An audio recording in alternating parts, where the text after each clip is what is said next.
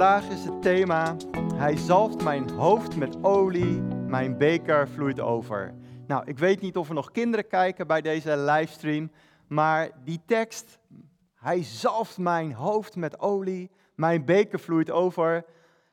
Kinderen, waar komt die tekst vandaan? Welk stuk uit de Bijbel? En misschien weet je zelfs het nummer. En misschien weet je zelfs wie het geschreven heeft.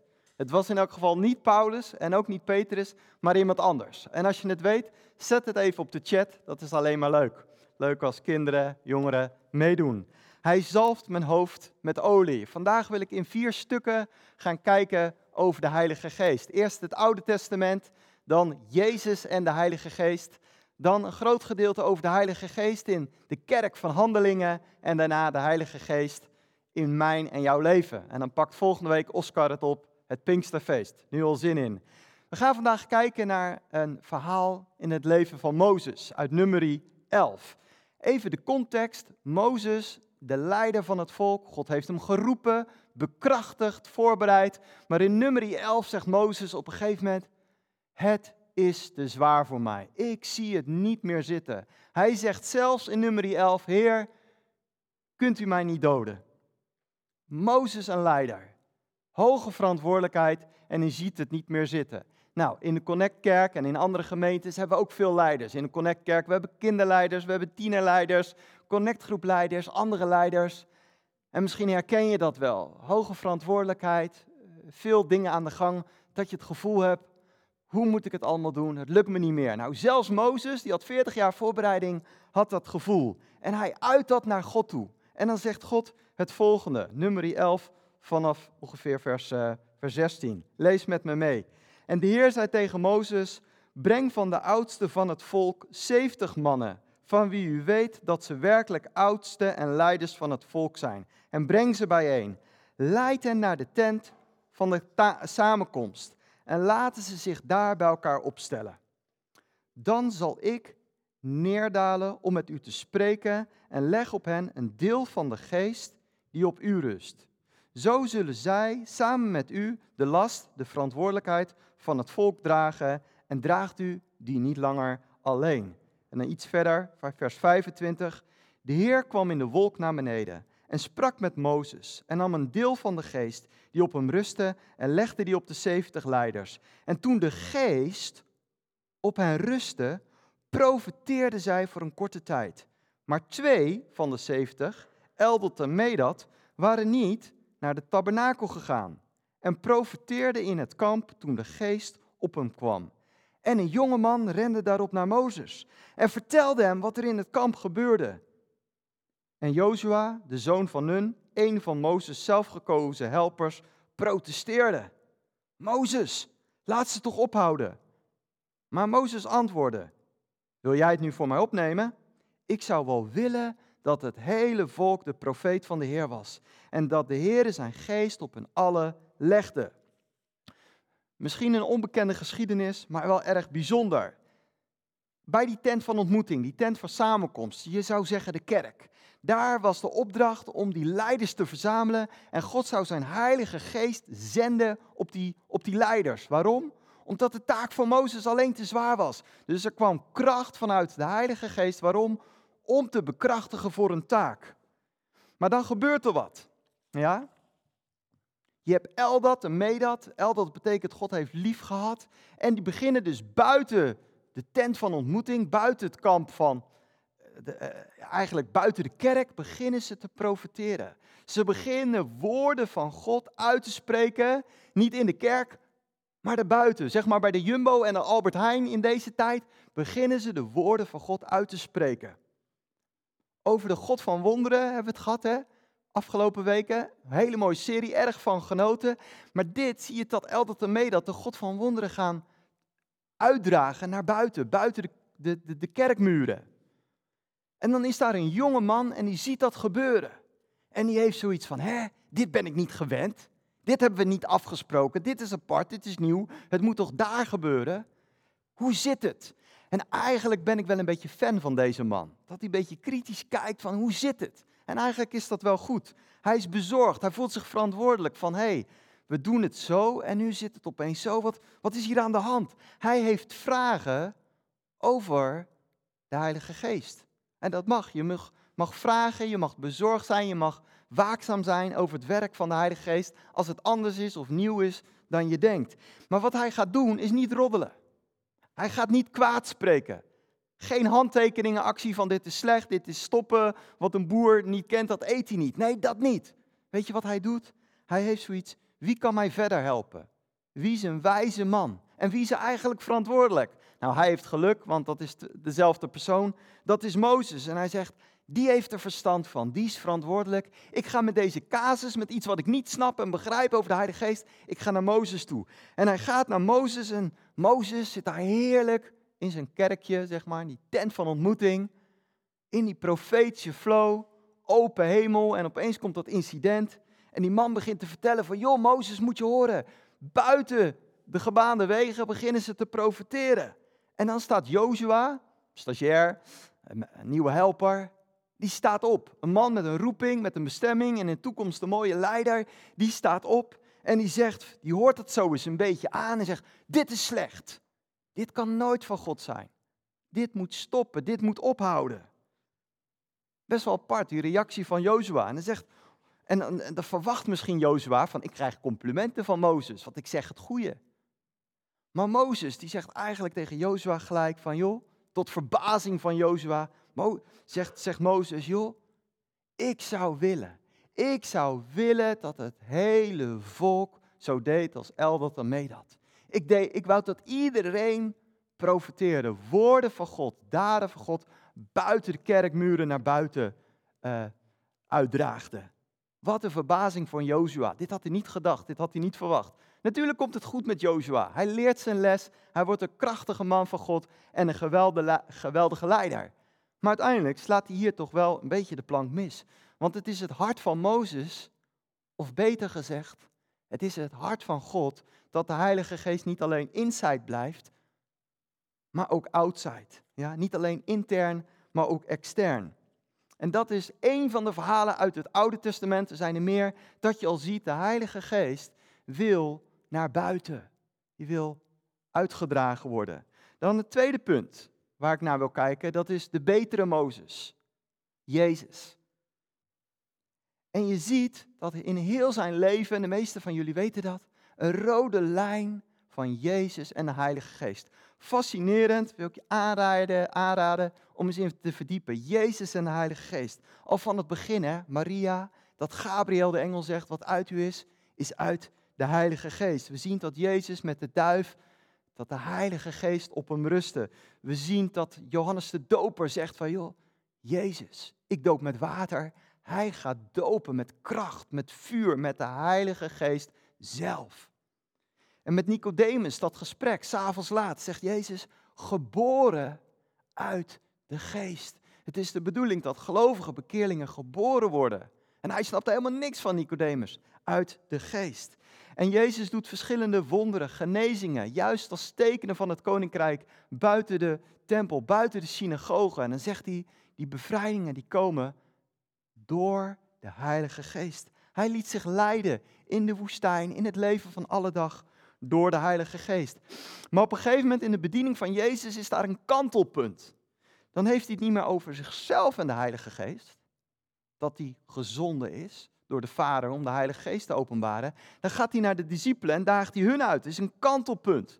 Dan begint hij te zeggen van, ik ga weg. Maar, dat is goed nieuws dat ik wegga. Huh? Goed nieuws dat Jezus weggaat? Ja, goed nieuws, want de Heilige Geest gaat komen. Die gaat jullie leiden, die gaat jullie bekrachtigen. Jullie gaan dingen meemaken zoals je ze nog nooit hebt meegemaakt. En hij zegt, jongens, discipelen, lieve vrienden, jullie moeten wachten. Wacht op kracht, want straks ben ik bij de Vader. En dan zal ik in mijn naam de geest van God zenden. En dan, men, je herkent jezelf niet meer. Je herkent de anderen niet meer. Want de Heilige Geest gaat je zalven en leiden en bekrachtigen. En dan zegt hij op een gegeven moment, ik blaas op je. Ontvang, ontvang die kracht, want je hebt het nodig om impact te maken, om een verschil te maken, om een geur van leven te zijn, om de God van wonderen uit te dragen. Je beker niet alleen vol, maar dat je beker overvloeit. En wacht, wacht op de Heilige Geest. Nou, die discipelen die waren echt benieuwd van wat gaat er gebeuren? Wat gaat er gebeuren. En we weten dat die impact van de Heilige Geest een groot verschil uitmaakte. En ehm, even tussendoor, jaren geleden las ik een uh, artikeltje. Er was een christelijke psycholoog, die werkte op een bureau, volgens mij was het Engeland, met een aantal niet-christelijke uh, psychologen. En ze hadden wel eens wat gesprekken over God en geloof. En toen zei die christelijke psycholoog tegen die groep atheïstische gelovigen: Ik wil jullie uitdagen. Doe eens een diepte psychologische analyse over de discipelen ten tijde dat ze meeliepen met Jezus en na de opstanding en na Pinksteren. Dus die psychologen die gingen daarmee aan de gang. En die gingen uh, aan de hand van de evangelie en andere bronnen een diepteonderzoek doen naar de persoonlijkheden en de psychische gesteldheid van de discipelen. En ze zeiden uiteindelijk, het waren mannen met weinig identiteit. Ze waren wel ongezond afhankelijk van een grote leider. Ze waren erg beïnvloedbaar. Geen zelfvertrouwen, ongezonde angsten. De, de leerlingen waren traag van begrip, snel verward tussen oude en nieuwe leer. Ze waren niet standvastig. Ze trokken de boodschap van hun, van hun leider constant in twijfel. Er was concurrentie en rivaliteit onderling. En ze waren heel sociaal wenselijk naar Jezus en de omgeving. Dat waren die vissers, dat waren die discipelen. Dat was een analyse die ze hadden gedaan. Maar dan, dan zeggen ze na die Pinksterdag en die, eh, die periode daarna, wat zien we? We zien een saamhorigheid, een eensgezindheid. Ze zijn opeens krachtig, vrijmoedig, zelfs opofferingsgezind. Ze zijn heldhaftig en ze zijn diep overtuigd van hun boodschap en hun eigen gelijk. Ze zijn bereid om tegen elke prijs te betalen voor hun ideaal. Ze zijn positief tegen draads en ze sluiten geen compromissen. Twee analyses. En dan was er een slotconclusie, die vind ik wel heel grappig. We weten niet precies wat, maar, maar er is wat gebeurd. Er is wat veranderd, ze hebben iets meegemaakt. Een van die psychologen die zei, er is een soort onbegrijpelijk positief trauma, waardoor ze omgeswitcht zijn en nog snel ook. Nou, jij en ik, wij weten het waarschijnlijk wel, wat er gebeurd is. Er is kracht, hemelse bovennatuurlijke kracht van God. God heeft zijn discipelen gezalfd, zodat hun beker overstroomde. Handelingen 2. Bekend verhaal. Volgende week gaat Oscar het nog verder uitdiepen en vertellen. Lees met me mee, Handelingen 2. En toen de Pinksterdag aanbrak, waren alle tezamen bijeen. En eensklaps kwam er uit de hemel een geluid als een geweldige windvlaag en vulde het gehele huis waar zij gezeten waren. En er vertoonden zich aan hen tongen als van vuur, die zich verdeelden. En het zette zich op een ieder van hen. En ze werden alle vervuld met de Heilige Geest. En begonnen met andere tongen te spreken, zoals de Heilige Geest hun te spreken gaf. De discipelen waren in Jeruzalem, Shavuot, het Joodse oogstfeest. En al die mensen en ook andere mensen kwamen daar bij elkaar. Een groot hoogtepunt in de Joodse kalender. En ze waren daar bij elkaar in Jeruzalem. En even een zijbruggetje. Het is nu helaas super onrustig in Jeruzalem. De stad van de grote koning, zegt God zelf. En aan beide kampen is er heel veel onrust. Heel veel stress, heel veel paniek, heel veel angst. En wat kunnen wij als christenen doen? Ik geloof Psalm 122. Bid voor de vrede, de shalom van Jeruzalem. Dat is een gewone vrede, maar het is ook die vrede dat Jood en Arabier Jezus, de Messias, mag leren kennen.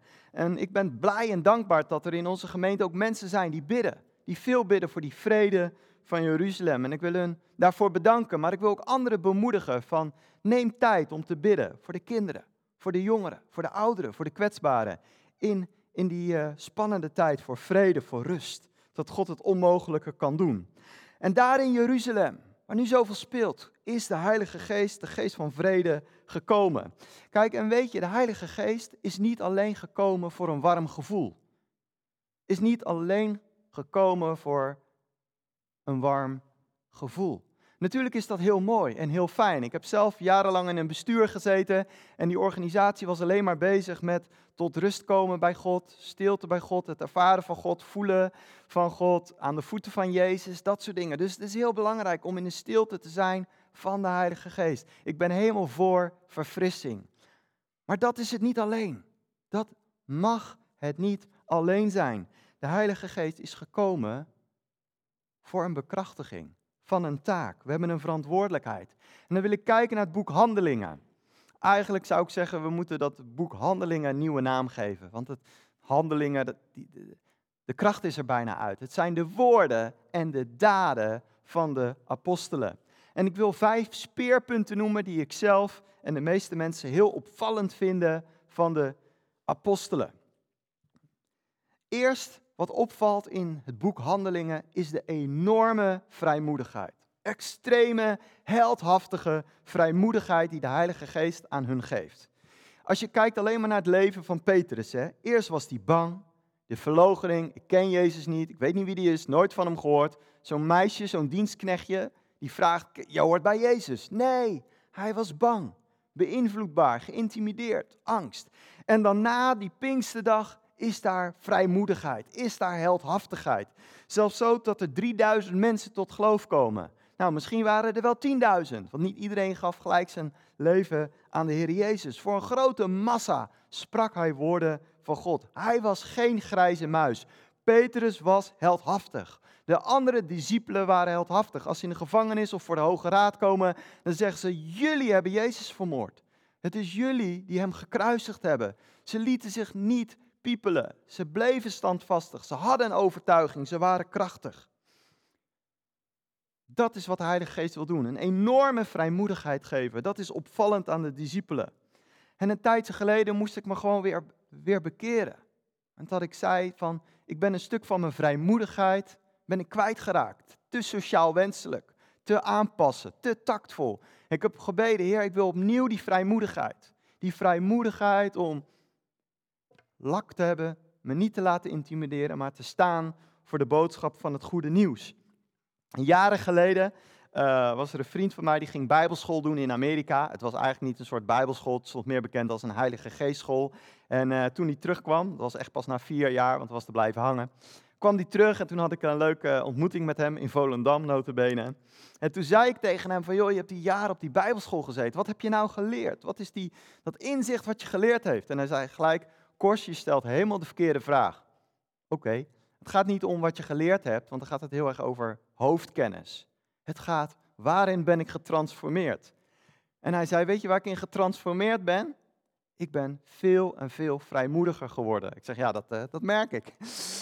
Weet je, en hij zei, ik ben van een verlegen jongetje geworden tot een vrijmoedige man. En dat is echt zo. Dat is geweldig. En dat is wat de Heilige Geest wil doen met zijn kracht. Onze beker over laten stromen. Waarom? Dat we geen geest van lafhartigheid hebben, maar een geest van kracht, van vrijmoedigheid. Dat is het eerste aspect. Het tweede aspect wat je ziet in handelingen, het, zijn een, het is een gemeente geworden van gebed en aanbidding. Daarvoor hadden ze niet zoveel met, met, met bidden. Ze vroegen aan Jezus, hoe moeten we bidden? Hoe werkt het? Jezus leert het hun, doet het voor en uiteindelijk puntje bij paaltje als Jezus zegt in Gethsemane, nu is de tijd om te bidden, vallen ze in slaap. En Jezus zegt, jongens, nu is het echt belangrijk om voor mij te bidden. Doe voorbeden. Ja, ja, Jezus. En later, iets verder, weer snurken. Het waren geen mannen van gebed, van volharding.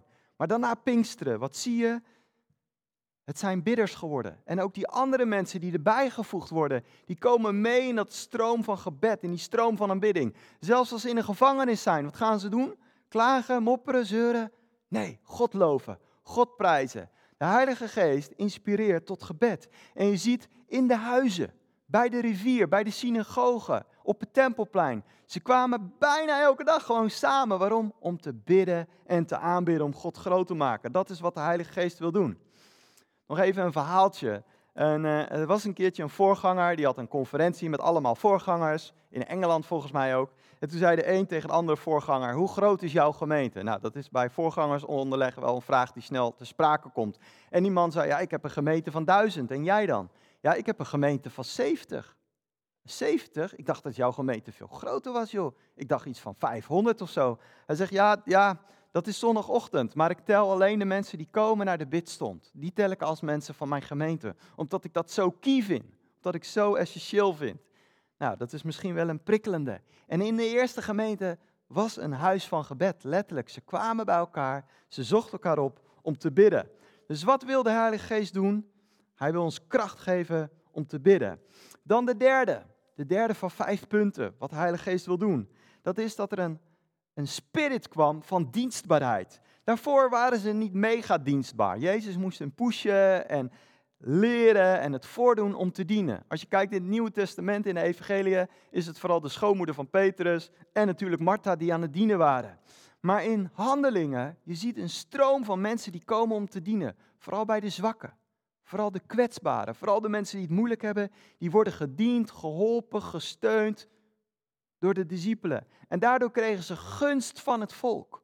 Gunst van het volk omdat het mensen waren met actieve liefde. Ze stonden bekend als mensen van de liefde, die zich uit in dienstbaarheid. Want liefde uitzicht in, in, in, in, is een werkwoord. Actief liefhebben. En de discipelen en de gemeenteleden, ze, ze brachten spullen bij elkaar. Waarom? Om te helpen, om te dienen. En dat is het werk van de Heilige Geest. Als de Heilige Geest met kracht werkt, dan zul je merken dat in je hart, in je leven, een bereidheid komt om te helpen, om te dienen, om te steunen.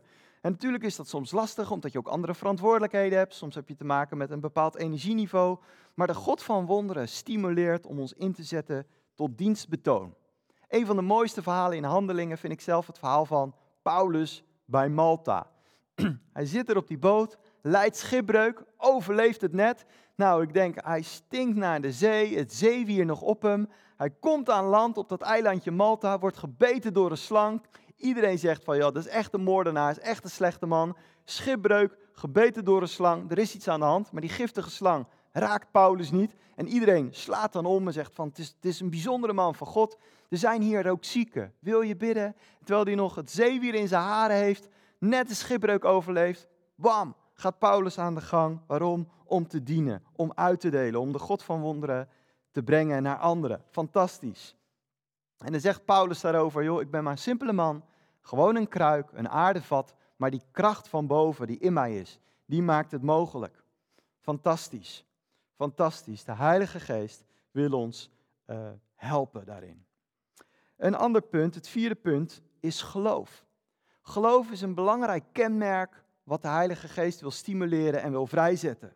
Daarvoor hadden ze geen vertrouwen, ze hadden twijfels, ze hadden vragen, maar in handelingen zie je dat er, dat er geloof is. Er is vertrouwen. En je ziet heel vaak die tekst van ze waren vol van de geest en ze waren vol geloof. Barnabas, Stefanus, Paulus, vol van de geest en vol van geloof. En wat de Heilige Geest wil doen, wil geloof versterken. Als de Heilige Geest met kracht werkt, worden we nog meer een gemeente van geloof en vertrouwen. En als we zingen, als we bidden, Heer, kom met meer van uw geest, dan zal dat toe leiden dat we meer geloof zullen hebben. Dan het laatste punt. Wat doet de Heilige Geest in handelingen? Hij komt met die geest van profetie. Handelingen 19, vers 6. Handelingen 19, vers 6.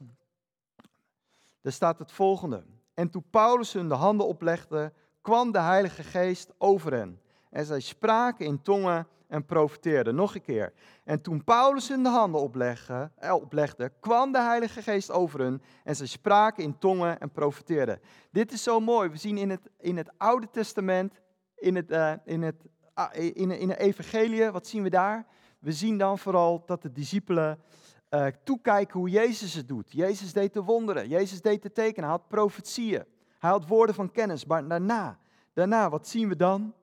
We zien dat de Heilige Geest met woorden van profetie gaat werken in de discipelen. Ze weten dingen die ze niet kunnen weten. Onmogelijke inzichten, onmogelijke dingen weten ze. Die geest van profetie rust op de discipelen. En profetie, dat is een getuigenis van het hart van Jezus.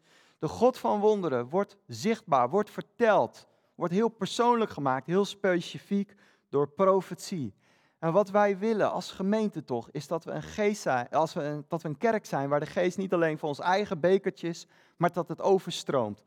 En, en God zegt, ik heb je de gave gegeven van profetie. Strek je uit naar de gave van profetie, want het is door die geest van profetie dat mensen weten of gaan leren kennen hoe groot God is. Laatste tekst alweer. Dan gaan we naar ons. Hoe zit het met jou en mij?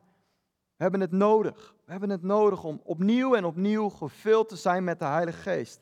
Dat roept Efeze 5, vers 18 ook op. Hè? Paulus zegt, Efeze 5, vers 18, Word niet dronken van de wijn waarin bandeloosheid is, maar word vervuld van de Heilige Geest. Letterlijk staat in de grondtekst, word opnieuw en opnieuw en opnieuw en opnieuw, constant opnieuw, constant opnieuw vervuld met de Heilige Geest. Net zoals met fietsen, je, je trapt, de volgende trap, de volgende trap, de volgende trap. Zo zegt Paulus, word vervuld, word vervuld, vervuld, vervuld, vervuld met de Heilige Geest. Niet alleen voor een fijn gevoel, dat hoort erbij, dat mag erbij. Kunnen we ook niet zonder, maar waarom? Om een opdracht te vervullen. We hebben een opdracht. Ga heen, maak alle volken in mijn naam tot discipelen. En dat kun je niet alleen. Onmogelijk. Doe het met mij, met de Heilige Geest. De Heilige Geest. We hebben hem zo nodig. Hij is zo speciaal. We kunnen niet zonder. En we willen nu een moment nemen om echt heel bewust te zijn. Heel bewust van de Heilige Geest. En ik weet niet waar je staat in je reis met God, je avontuur. Misschien herken je je heel erg in Mozes. Dat is een van de vier personen die ik even nog wil belichten. Een van de vier. Mozes, hij zegt: Mijn beker is leeg, ik kan niet meer. En misschien voel jij je zo, coronatijd, druk gezin, verantwoordelijkheden, werk, dat je zegt als Mozes van, je zegt nog niet net zoals Mozes van, nou dood me maar, maar je bent moe. En we willen bidden, en we willen straks ook profetisch bidden, dat God gaat komen met verfrissing, met versterking, met nieuwe kracht. Als de bodem van jouw beker in, uh, te zien is, dat God gaat komen met frisse kracht. Misschien ben je als die jonge man die zegt: Ik zie van alles van de Heilige Geest, ik weet het, ik hoor het, ik ken het een beetje, maar hoe zit het? Ik weet het niet. God wil komen met helderheid. Misschien herken je je erin. Die jonge man die zegt: Hoe zit dit nou? Helderheid, dat de Heilige Geest een stuk helderheid gaat geven. Misschien ben je wel als die derde persoon, als Joshua. Negatieve dingen meegemaakt, kwalijke ervaringen, dat je gewoon een beetje negatief bent over de Heilige Geest. En ik wil bidden, we willen bidden dat God komt met vrijheid. Dat er nieuwe openheid komt ten opzichte van het werk en vooral de persoon van de Heilige Geest. En misschien het vierde punt, dat je zegt van ja, ik herken me wel een beetje eigenlijk in Medat en Eldat. Ik sta op dat punt om naar buiten te gaan. Ik voel het van, meer, van binnen borrelen en bruisen. Ik voel me heen en weer geschud als een soort champagnefles. Van ja, de dop mag eraf. Het mag gaan spuiten. De kracht van de Heilige Geest mag uit, maar ik vind het nog een beetje eng. Ik vind het vaak eng, nog steeds. Onzekerheid, verlegenheid. Maar ik voel dat de Heilige Geest tegen de gemeente in, in Ede, in Nederland, gaat zeggen: jongens, de dop van de fles en de rem mag eraf. Kom in beweging om de Heilige Geest te laten stromen buiten de kerkmuren. En we gaan een tijd nemen van aanbidding en van gebed. Om, ehm, en ik wil je gewoon uitdagen om echt mee te doen thuis. Laat ik bidden en dan gaan we lekker aanbidden. Heilige Geest, ik wil u danken dat u krachtig wil werken vandaag de dag. U bent nog steeds krachtig. U bent nog steeds zo krachtig als op die Pinksterdag. En zoals we hier zitten, zoals we meeluisteren en meedoen. Vader, u weet precies wat we nodig hebben. Of we nou een Mozes zijn, of die jonge man, of een Jozua, of, of een Eldad. Vader, kom met kracht. Vader, we nodigen u uit. Heilige Geest, wees welkom. Kom met uw kracht. Om uw taak te doen. Om uw grote opdracht te vervullen. Dat onze beker vol wordt opnieuw en dat die overstroomt. Misschien van de honderdste keer, duizendste keer opnieuw vervuld om weer over te stromen. Heilige Geest, dank u wel dat u op dit moment wil gaan komen. Op dit moment, Heer. Komen we in geloof bij die vrijmoedig tot die troon van genade, die troon van kracht. En willen we ontvangen die hemelse kracht boven onszelf, boven onze eigen aardevaten. Uw bovennatuurlijke kracht. Vader, ik bid voor, voor degene thuis, Heer, met kracht. Dat het gewoon erheen stroomt, uw kracht, Heer. Een kracht boven bidden, boven beseffen, boven onszelf. Die eeuwige, alomtegenwoordige kracht van God, dat het nu realiteit wordt op dit moment. Heer, u zegt, waar duisternis toeneemt, zal mijn licht toenemen. En wat geroofd is, zal ik zevenvoudig teruggeven. Vader, uw gemeente heeft uw kracht nodig, Vader. Uw kracht, Heer, om de grote opdracht te doen. We strekken ons uit naar de God van wonderen. De God van wonderen is onze God, Heer. En we danken u voor de wonderen in ons midden. En we zien uit naar de wonderen. De wonderen buiten de kerkmuur, Heer. Op ons bedrijf, in onze buurt, op onze straat, op onze werkplaats. Vader, vernietig onze verlegenheid. Vernietig onze schaamte. En help ons om naar buiten te gaan, Heer. Om uw licht te verspreiden. Om die geur van Christus verspreiden. Vader, een leger van liefde. Een leger van liefde, Heer. Laat het opstaan. De kerk in Ede wordt opnieuw wakker. Een leger van liefde gaat komen. De kerk in eenheid, Heer. De kerk in eenheid. Een leger van liefde, Heer. Dank u wel, Jezus. Dank u wel, op dit moment komt u met kracht, Heer. Het is uw kracht, Heer. Het is uw hemelse kracht, Heer, wat gaat komen.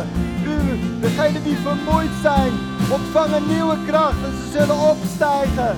Ze zullen opstijgen. Degenen die vermoeid zijn, ze zullen opstijgen. Heer, dank u wel, Jezus. Dank u wel voor de jongeren, voor de tieners. U gaat komen met nieuwe kracht, zodat ons beker overvloeit. In Jezus' naam. Ja, ja.